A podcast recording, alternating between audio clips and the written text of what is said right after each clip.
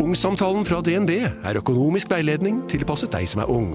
Bukk en ungsamtale på dnb.no. ung. Ok, det var jo en syk døll måte å forklare ungsamtalen på, da. En smart prat om penga mine, ville jeg sagt. Ikke sånn kjedelig økonomisprat, skjønner du. En podkast fra Podplay.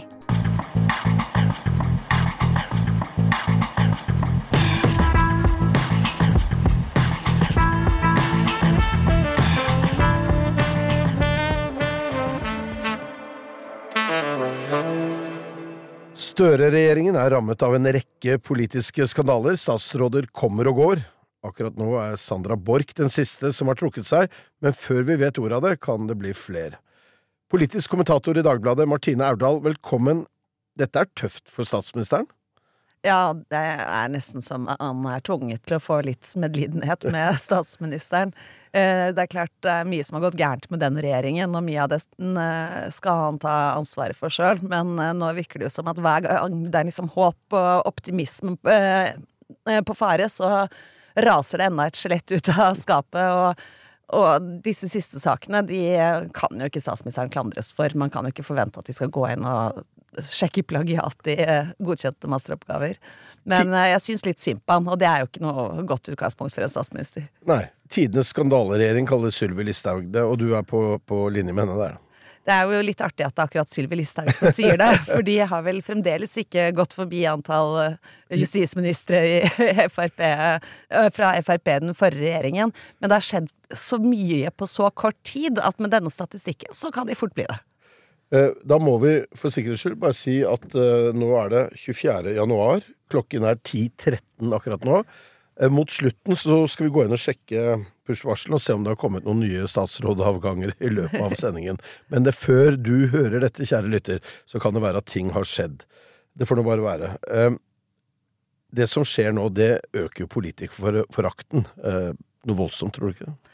Det er jo det som er det store alvoret i alle disse sakene. Både de som har rammet regjeringen, den som har rammet Erna Solberg, og for så vidt også de som kom før det. Vi har jo lagt bak oss et par år nå med fokus på pendlerboliger og på reiseregninger. Det har vært mye styr. Og alle disse sakene gjør jo at folk tviler på, eller kan stille spørsmål ved, om politikerne både er de fremste blant oss, og om de eh, handler bare ut ifra vårt alles eh, felles eh, beste, eller med det for øye.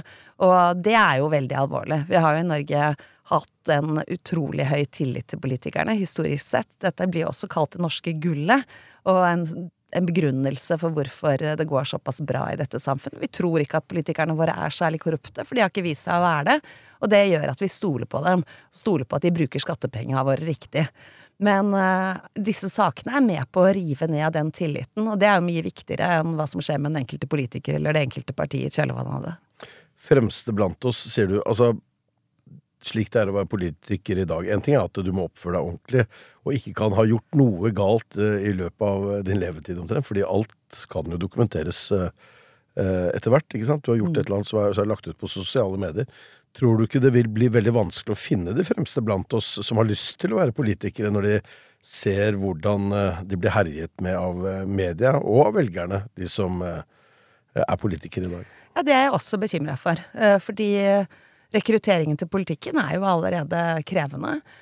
Og de aller fleste politikere er jo der fordi at de virkelig ønsker å gjøre en innsats for samfunnet. Det er litt viktig å huske på oppi alt dette. At det er tross alt fine folk som står på stand og sitter lange kvelder og leser sakspapirer når de heller skulle vært sammen med ungene sine, og de eh, bruker masse tid og energi på å sette seg inn i om det ene eller det andre hullet i veien bør prioriteres. Og det er liksom hverdagen til da titusener av politikere over hele landet. Eh, så Kommer man ikke til topps i norsk politikk hvis man ønsker først og fremst å berike seg selv? Det er en altfor lang og kronglete vei. Det fins mye enklere måter å bli rik på. Ja, for mange av de toppolitikerne vi har, kunne åpenbart fått seg jobber i næringslivet hvor, de hadde tjent mye mer. Det ville vært mye lettere for dem. Og de ville også sluppet uh, dette søkelyset på mange av disse sakene som det de får. Så trår de feil. Um, mange av disse sakene handler jo også om uh, feil som de ikke har begått med vilje. De har fått feil veiledning, eller de ikke har helt skjønt uh, hva de har gjort. med noen unntak, selvfølgelig. Og jeg bare tenker det er viktig å ha, ha dette i bakhodet eh, som en slags motgift eh, mot eh, politikerforakten. Men du sier det er fine folk. Betyr det også at du syns det er litt vondt av og til? Fordi du er jo en av de som jakter det, ikke sant? Du er jo en av de som blir med på dette eller er med på å rive de ned når, når de har gjort noe galt, eller trådt feil. Ja, men der er det jo også viktig at systemet fungerer. Fordi at hvis vi fortsatt skal kunne stole på eh, at systemet er godt, og at eh, politikerne stort sett er fine folk, så må vi også avsløre når de begår feil, og de feilene må noen ganger også få alvorlige konsekvenser. Men gjør det litt vondt å være med på dette her? Eller, Eh, Jeg tenker at det er lurt å ha den menneskelige siden med seg i hvordan man eh, dekker det også. Og prøver å huske på at det at man gjør en feil, betyr ikke at jeg vet alltid hvordan de har tenkt rundt den feilen, eller hva som er begrunnelsen for det. Om det Nettopp hva som var motivet, da. Mm. Du var inne på at du hadde litt vondt av Støre, men eh, er det noen av de politikerne som har stått i noen av disse skandalene, spesielt det siste året, du også har hatt vondt av? Ja. Men det har jeg hatt egentlig eh, av alle sammen. Fordi det medietrykket og den belastningen det er å bli fratatt jobben sin i, i full offentlighet, det, det skal man ikke undervurdere. Det utrolige presset det er. Og det har jo utvikla seg også gjennom de siste åra, ved at mediehverdagen har eh, blitt tøffere. Er, vi dekker all verden 24 timer i døgnet, sju dager i uka. Eh, De får mange flere henvendelser enn det de gjorde før, da vi hadde eh, færre flater å fylle. Og det gjør at det trykket blir, blir veldig stort. Og det, det skal man huske på. Eh, Er det sånn at uh, dere i Dagbladet uh, tar hensyn til det? Altså, Jeg har, selv, jeg har selv følt på medietrykk ved et par anledninger. Eh, og det er jo til å grine av, bokstavelig talt. Det er jo sånn at jeg har gått forbi avisstativene og ikke sett på de. Ja. For jeg skjønner at bildet mitt er der med en eller annen tittel jeg ikke har lyst til å lese. Eh, og det, det kan gjøre det er, det er voldsomt når alle kommer samtidig. Det er voldsomt. Og så er det burde alle journalister ha kjent litt på dette. ja. Eh, jeg tror det er sunt å ha gjort det. Eh, og ha kjent på at det å lese kommentarfelt eh, ikke er noe gøy, og det å, å, å skjerme seg også med å kanskje lese en gang om dagen istedenfor å følge fortløpende og sånn, kan være lurt. Men det betyr jo ikke at ikke vi skal gjøre jobben vår. Fordi det er klart at når det er slik at for eksempel da, ta disse pendlerboligsakene. Den forrige regjeringen strammet jo voldsomt inn på frynsegoder til eh, ansatte, og, og skattla jo eh, den typen goder mye hardere enn det som har vært gjort tidligere. Det er litt artig at det var Siv Jensen som finansminister som plutselig skulle nekte bussjåfører å få busskort til ungene sine gratis, eller teateransatte å få gratis teaterbilletter. Og når stortingsflertallet vedtar slike ting, så er det selvfølgelig uholdbart at de praktiserer en slags dobbeltmoral der de ser på sine egne goder som rene frynsegoder utenfor systemet. Da må vi ettergå det, og det må ryddes opp i. Og det påstår jeg at har skjedd i alle disse store temaene. Resultatet blir jo at vi får nye og tydeligere regler som gjør at det vil være bedre i fortsettelsen. Hvis vi ser tilbake til Tore Tønne-saken, som ligger langt tilbake i tid, som da var altså statsråder i, i eh, en arbeiderpartiregjering, eh, og som, eh, som tok livet sitt, Mm. etter blant annet et voldsomt mediekjør, og helseminister måtte gå av. Hvordan, hvordan har det preget måten eh, redaksjoner, politiske redaksjoner tenker på? Den saken er jo et eh, slags eh, traume i eh, offentligheten. Eh, det er eh, også en sak som ofte dras opp. Vi får eh, ofte tilbakemeldinger fra leserne om det. Husk Tore Tønne. Og det er klart at den er en, en evig påminnelse om hvor gærent det kan gå. Og så tror jeg bevisstheten rundt eh, dette trykket etter det også har blitt eh, sterkere i alle deler av miljøet, da. Um, Også blant Ikke- andre politikere? ja, eh, også blant andre politikere. Jeg vet at uh, mange av de politikerne som har stått i stormen de siste årene, har ringt til hverandre når de har sett at neste neste uh, har kommet i søkelyset, er en sant sett en støtte for hverandre. Og at også Stortinget, for eksempel, har, vært, eh, har blitt eh, flinke til å tilby eh, støttetjenester til eh, de som trenger det. La oss eh, ta for oss disse her, eh, regjeringsmedlemmene til Støre, da, siden han tok over etter Erna Solberg. Eh, vi kan jo starte med Hadia Tajik. Hva var det som ikke alt er? Det er jo en del av dette store pendlerboligkomplekset. Og da hun kom under lupen, så var det jo flere saker om hennes bruk av pendlerbolig, altså helt tilbake fra da hun ble politisk rådgiver i den forrige rødgrønne regjeringen første gang, og fram til nå da hun eh, var statsråd i denne. Så er de litt ulike, de sakene. Men hun hadde jo blant annet da leilighet i Rogaland som hun eh, eh, leide, men ikke bodde i. Og hun kjøpte etter hvert også en leilighet sammen med broren sin, som hun heller ikke bodde i. Hun bodde jo da i praksis i Oslo i pendlerbolig, og skulle ha skattet av det.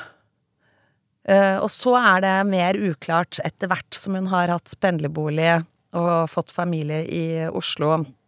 Eh, der har, hun, har gjennomgangen eksternt vist at eh, hun likevel ikke skulle straffes for det, at det var riktig, så den delen er hun frifunnet for. Men uansett så ble altså trykket rundt dette så vanskelig at hun ble nødt til å gå av. Både som statsråd, som hun selv sa på pressekonferansen først, og ganske raskt etter det også som nestleder i Arbeiderpartiet. Dette var jo et av de største fallene vi har sett i norsk politikk de Men årene. tror du hun har en framtid? Tror du hun kan komme tilbake igjen? Ja, det er i hvert fall for tidlig å utelukke det. Hadia Tajik har jo gått tilbake til Stortinget. Hun viser jo en stayerevne og vilje til å fortsette å jobbe videre. Hun er fremdeles en av partiets mest profilerte og, og mest allround, dyktig, dyktigste allround-politikere. Så um, avhengig av hva som skjer i Arbeiderpartiet framover, og her er det mange som også har mye agg mot Hadia Tajik, må huske på det, eh, så skal vi ikke utelukke at hun kan komme tilbake eh, helt i toppen. Og så var det Odd eh, Roger Enoksen som var forsvarsminister. Han måtte gå av fordi det kom varsler mot ham.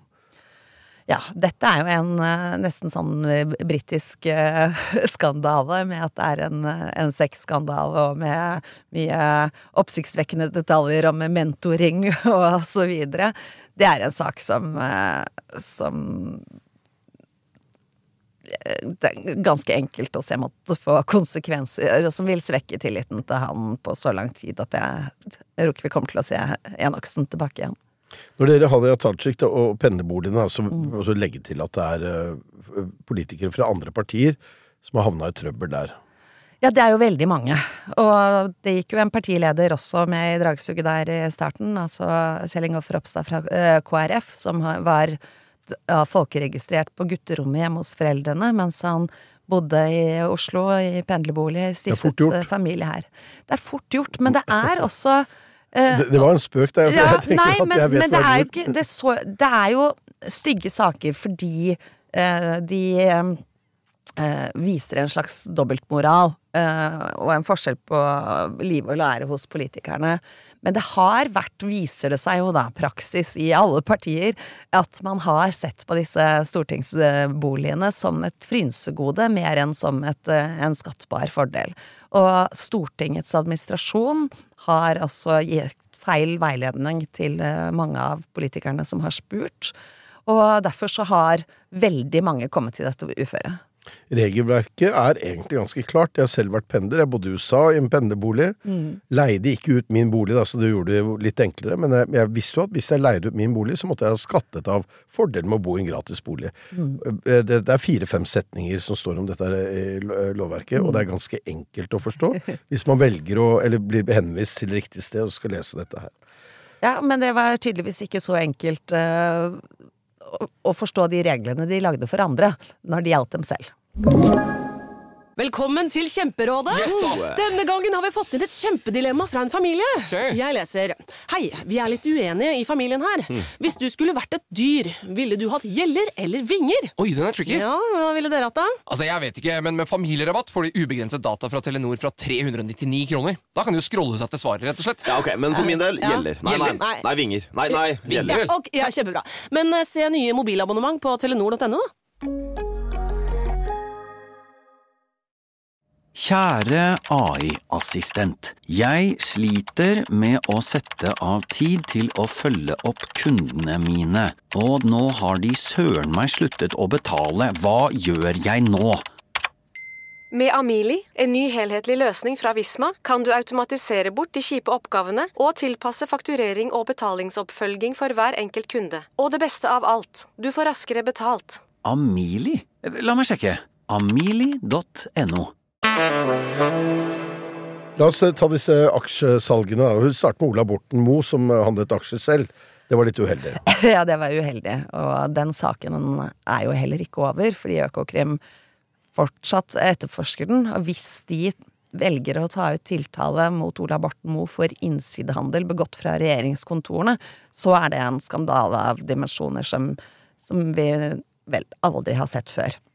Nå er det slett ikke sikkert at det kommer til å skje, og hvis det ikke skjer, så er det en sak der han eh, burde utvist bedre skjønn, og hvor eh, reglene også må strammes inn. Fordi det er jo helt sprøtt at det skal gå an å sitte som statsråd og handle aksjer eh, når man sitter på så mye eh, innsideinformasjon som det statsråder gjør. Bare fordi de sitter i et regjeringskollegie og eh, på hvert møte diskuterer ting med avgjørende betydning for eh, norsk industri. Eh, Men det, det er jo ikke bare en skandale om man handler aksjer selv, åpenbart, fordi både Anniken Huitfeldt og Erna Solberg har jo følt på kroppen hvordan det er å ha, være gift med noen som handler aksjer. aksjer.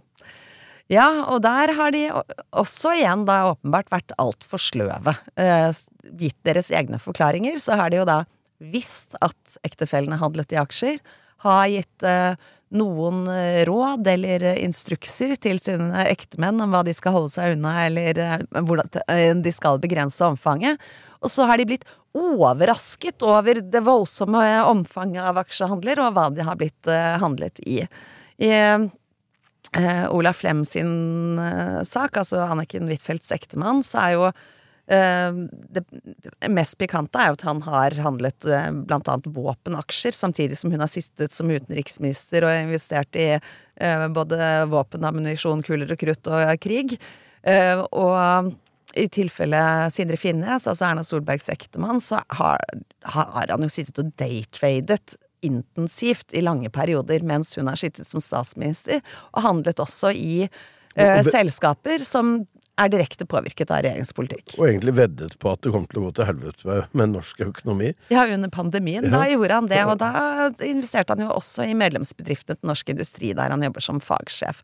Så her vil jo reglene bli strammet inn både for toppolitikere og for de ansatte i norsk industri, som av uforståelige årsaker ikke har vært omfattet av det veldig strenge regelverket som alle andre ansatte i NHO-bygget er omfattet av fra før. Når det gjelder eh, ektemannen til eh, Anniken Huitfeldt, så eh, må jeg tillegge det at det er klart at når krigen brøt ut i Ukraina, så var det åpenbart for alle, du trengte ikke innsideinformasjon for å forstå at det kom til å gå bra med ammunisjonsfabrikkene i Europa i tiden framover. Nei, men når du er utenriksministerens ektefelle, og hun etter eget utsagn også har sagt at han skal holde seg unna våpenaksjer, så burde han i hvert fall forstått at det var umusikalsk, og muligens også ulovlig. Eh, tror du Anniken Huitfeldt måtte ha gått av hvis det ikke var for at Sindre Finnes eh, det- drev og handlet med aksjer? At dette er et signal fra Arbeiderpartiet om at til Høyre og Høyres ledelse om at dette er så alvorlig at man kan ikke bli sittende? Ja, det er i hvert fall eh, det som er det etterlatte inntrykket blant veldig mange, at det skulle på en måte være med på å pushe beslutningen rundt Erna Solberg, da hun på et tidspunkt sto hver eneste dag og måtte svare på om hun hadde tenkt å gå av eller ikke. Eh, Den saken er jo et eksempel på også hvordan Støre nølte for lenge. Altså én ting er nå at han i utgangspunktet ville beholde Huitfeldt eh, på plass. Det er det mange gode grunner til. Hun er en av Arbeiderpartiets eh, mektigste. Det å kaste henne som eh, viktig støttespiller er vanskelig på mange måter, og det var en sak som ikke var like opplagt som om hun hadde gjort det selv, da. Men han kunne jo så snart Erna Solbergs sak sprakk, sagt at dette setter også den andre i et nytt lys. Og ventet jo likevel flere uker med å gjøre det. Og så sier jo Støre, eh, for så vidt begrunnet det begrunnet det greit nok, og, og delvis på den måten som jeg skisserer. Men det tok så lang tid at uh, mistenksomheten vil alltid uh, henge ved den beslutningen, om det egentlig var for å dytte ut Erna Solberg. Som da han foreløpig i hvert fall ikke har lykkes med. Sindre Finnes uh, handler fortsatt i aksjer. Det skal han drive med til desember, har han sagt. Ja. I år. Eh, og så får vi håpe at han, han stanser, da. Fordi det er åpenbart slik at han er litt besatt av å drive med dette her. Um, men Erna Solberg, hans uh, ektefelle, er jo opposisjonsleder. Og ting kan jo skje veldig fort i politikken.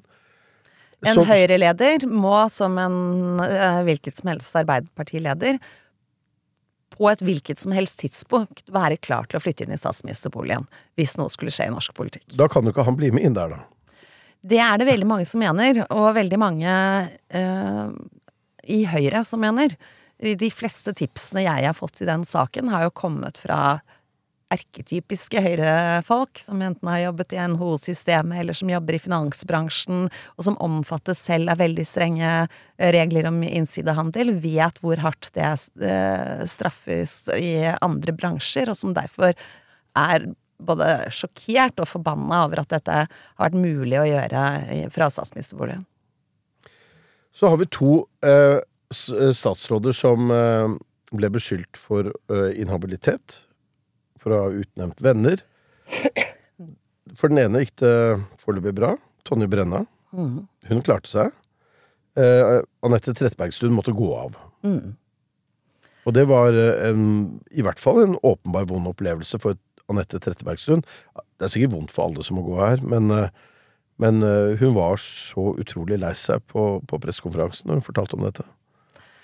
Ja, Anette Trettebergstuen har jo selv fortalt om hvordan det å være kulturminister eh, var hennes drømmejobb. Hun var en populær kulturminister i sektoren, og hun hadde store saker på gang.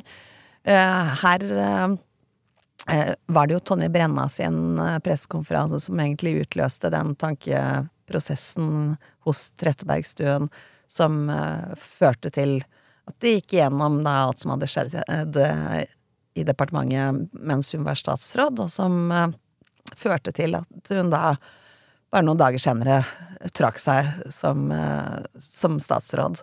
Og eh, det hadde kanskje ikke skjedd hvis det ikke hadde kommet på dagsorden med Tonje Brenna sin sak, men det var eh, eh, vanskelig å se for seg noen annen utgang samme uka. Men Tonje Brenna overlevde jo dette som statsråd. Hun gjorde det, jo, selv om saken fremdeles jo er til behandling i kontroll- og konstitusjonskomiteen, så er hun jo Unnskyld. Um, allerede egentlig blitt fredet av uh, venstresida på Stortinget. Og eh, begrunnelsen der er jo at de mener ja, det er en alvorlig sak, men den er ikke så alvorlig at den må med nødvendighet føre til at hun eh, går av.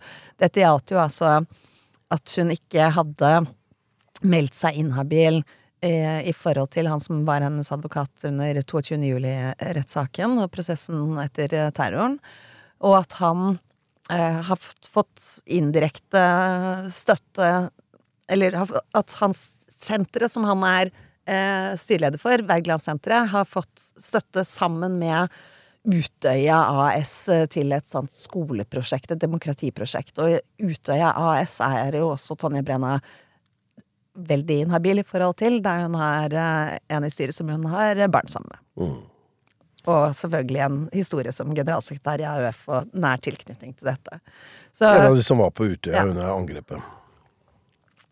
ja, og da som generalsekretær, og hvor hun jo har en veldig sterk historie derfra. Hun har jo også skrevet bok om, eh, om den erfaringen, og hvordan hun håndterte den situasjonen den dagen, er jo en av de viktigste forklaringene på hvorfor hun ble hentet inn som politisk rådgiver på statsministerens kontor etterpå, som den yngste noensinne. Ja, hun viste utrolig styrke eh, og le godt lederskap. Absolutt. Stort mot. Og dette eh, sensitive området burde jo ligge langt framme i bevisstheten når det gjelder å bedømme egen habilitet på hennes saksfelt, men det var åpenbart ikke langt nok framme. La oss snakke om de siste dagene, da. Sandra Borch.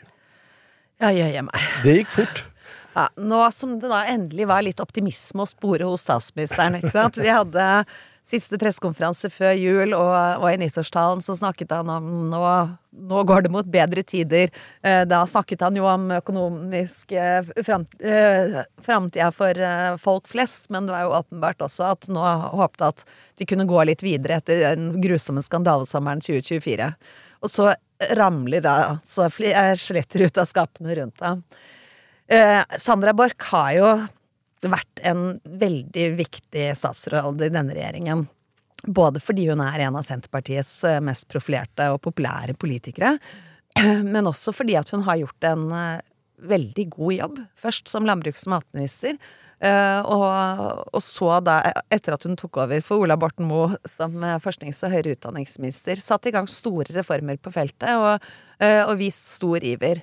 Hun har også vært beinhard, ikke minst da uka før hun måtte gå av, mot denne studenten som vant i lagmannsretten, ble frikjent for selvplagiat etter å ha sitert seg selv i en uh, eksamensoppgave uten å gjøre det riktig. fra en tidligere oppgave som det var som strøk? Som hun strøk på. Ja.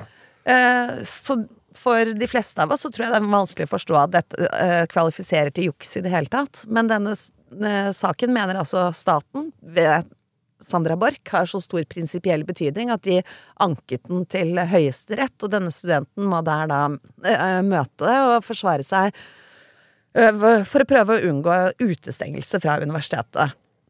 Og da, da nå fikk, sa da fikk du push-varsel. Ja, er det noe som har gått av? Skal vi se her. Nei, foreløpig ingen flere i dag. Ennå, i hvert fall. Nå er klokka 10.37. Ja, okay. Vi får se hvordan det utvikler seg. um, men da Sandra Borch da ble avslørt i et mye mer alvorlige uh, plagiat i sin egen masteroppgave, der hun ikke bare har sitert seg selv, men seks andre masteroppgaver uten å, å bruke å sitere dem korrekt, altså med kildehenvisning, så var det helt åpenbart at det ville være umulig for henne å fortsette. Det skjønte hun selv. Altså, Maken til rask handling eh, skal man eh, leite lenge etter. Så rask eh, avgang har vi vel aldri sett, og det var jo også en av de uh, korteste pressekonferansene noensinne. Altså denne saken fra E24 om uh, sitatfusket ble publisert klokka seks fredag kveld. I løpet av neste timen hadde hun kalt inn til pressekonferanse klokka åtte, og der brukte hun veldig kort tid på å legge seg paddeflat ta på seg all skyld og si at hun går av. Ja. Og så så jeg det var en del journalister som var litt uh, deprimerte, eller hva det blir, når, uh, for at hun ikke ble stående og, og ble grillet litt til og svare på de samme spørsmålene som hun egentlig hadde besvart. Det er jo litt til. bittert, for jeg hadde jo veldig mange spørsmål, ikke jo, sant? Men hun, hun, var, hun, var, jo åpenbart sterkt preget, og jeg, jeg tenker at uh, hun hun, eh, det skulle svært mye styrke til om hun hadde klart å stå gjennom den pressekonferansen uten at hun hadde knukket sammen på en eller annen måte. Så kanskje det er greit å få noen dager på seg før man besvarer spørsmål. Og hvis hun skal ha en politisk karriere, og det er det vel stor grunn til å tro at hun har tenkt til. Altså, jussen er jo kanskje ikke akkurat hennes hennes bane framover nå. Så Nei. tenker jeg at hvis hun skal satse videre på politikken, så gjør hun jo for det første smart i å gå av tidlig, mm. og så dukke opp for å forklare seg bedre på et tidspunkt hvor hun er i stand til å gjøre det uten å trekke ja. sammen. Men det er jo også da nødvendig, for det, eh, det er fremdeles flere ubesvarte spørsmål rundt hvordan kunne dette skje, var det med vilje, er det eh, Altså, jeg var um, før pressekonferansen tenkte at det kunne jo være en eller annen forklaring som vi ikke kjente til, som kunne være med på å forklare hvordan dette kunne ha skjedd, som kunne være formildende.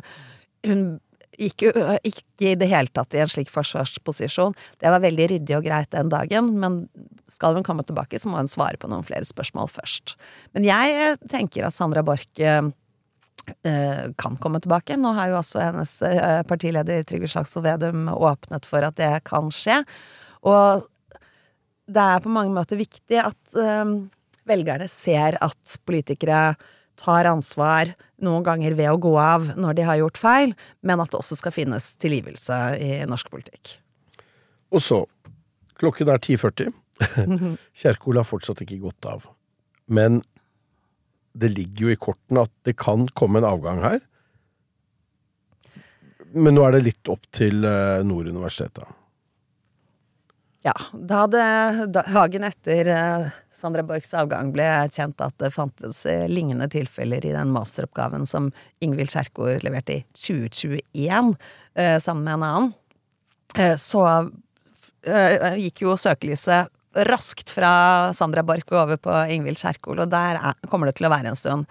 statsministeren sier jo at han vil avvente Nord universitet sin gjennomgang av oppgaven, for å se om den er så alvorlig at oppgaven bør bli underkjent, eller om dette da kan anses som mindre alvorlige feil, som kanskje heller vil gått utover karakteren, for eksempel.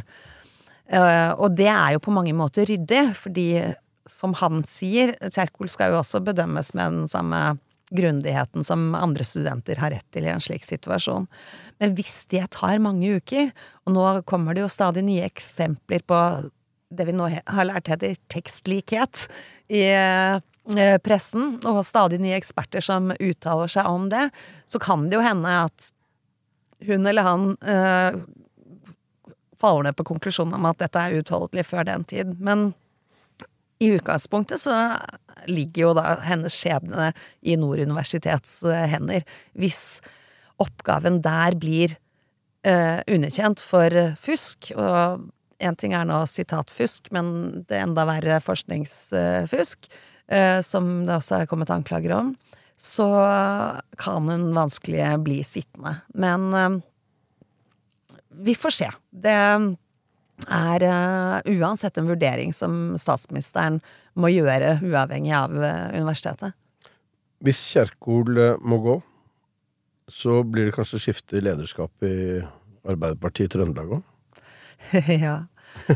Uh, det er jo også et spøkelse som, som jeg er sikker på at Støre har i bakhodet. Og så er det jo også slik at Ingvild Kjerkol vil jo i så fall være sammenlignbart med Anniken Huitfeldts.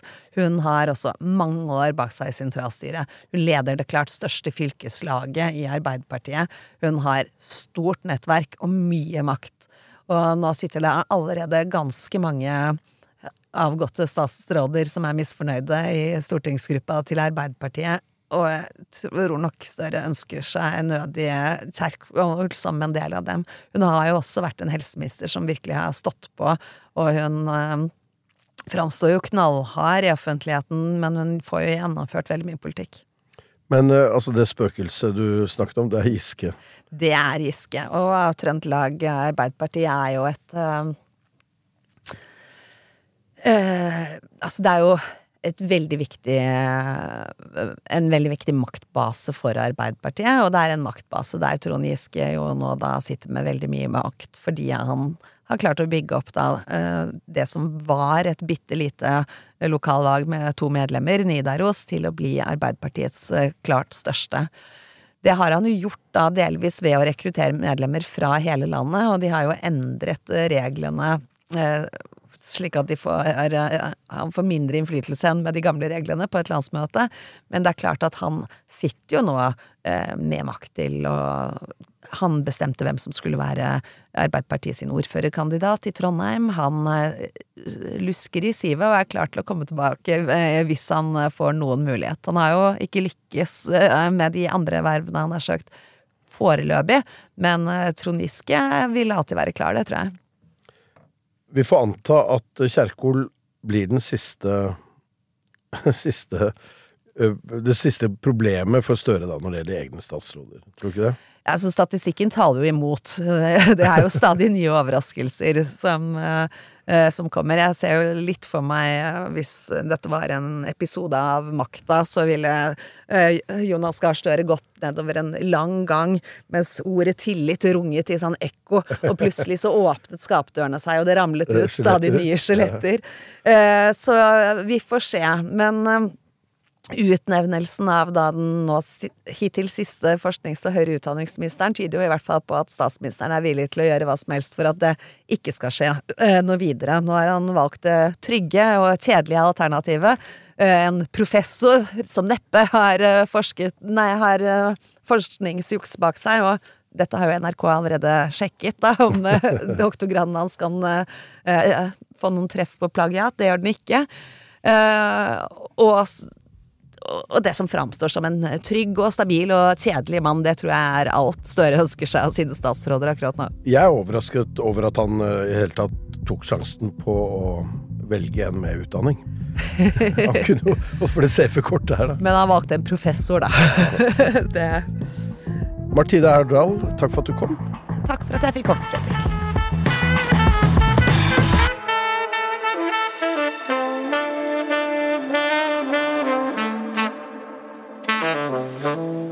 Du har hørt en podkast fra Podplay. En enklere måte å høre podkast på. Last ned appen Podplay, eller se podplay.no. Kjære AI-assistent. Jeg sliter med å sette av tid til å følge opp kundene mine, og nå har de søren meg sluttet å betale. Hva gjør jeg nå? Med Amili, en ny helhetlig løsning fra Visma, kan du automatisere bort de kjipe oppgavene og tilpasse fakturering og betalingsoppfølging for hver enkelt kunde. Og det beste av alt, du får raskere betalt. Amili? La meg sjekke. Amili.no.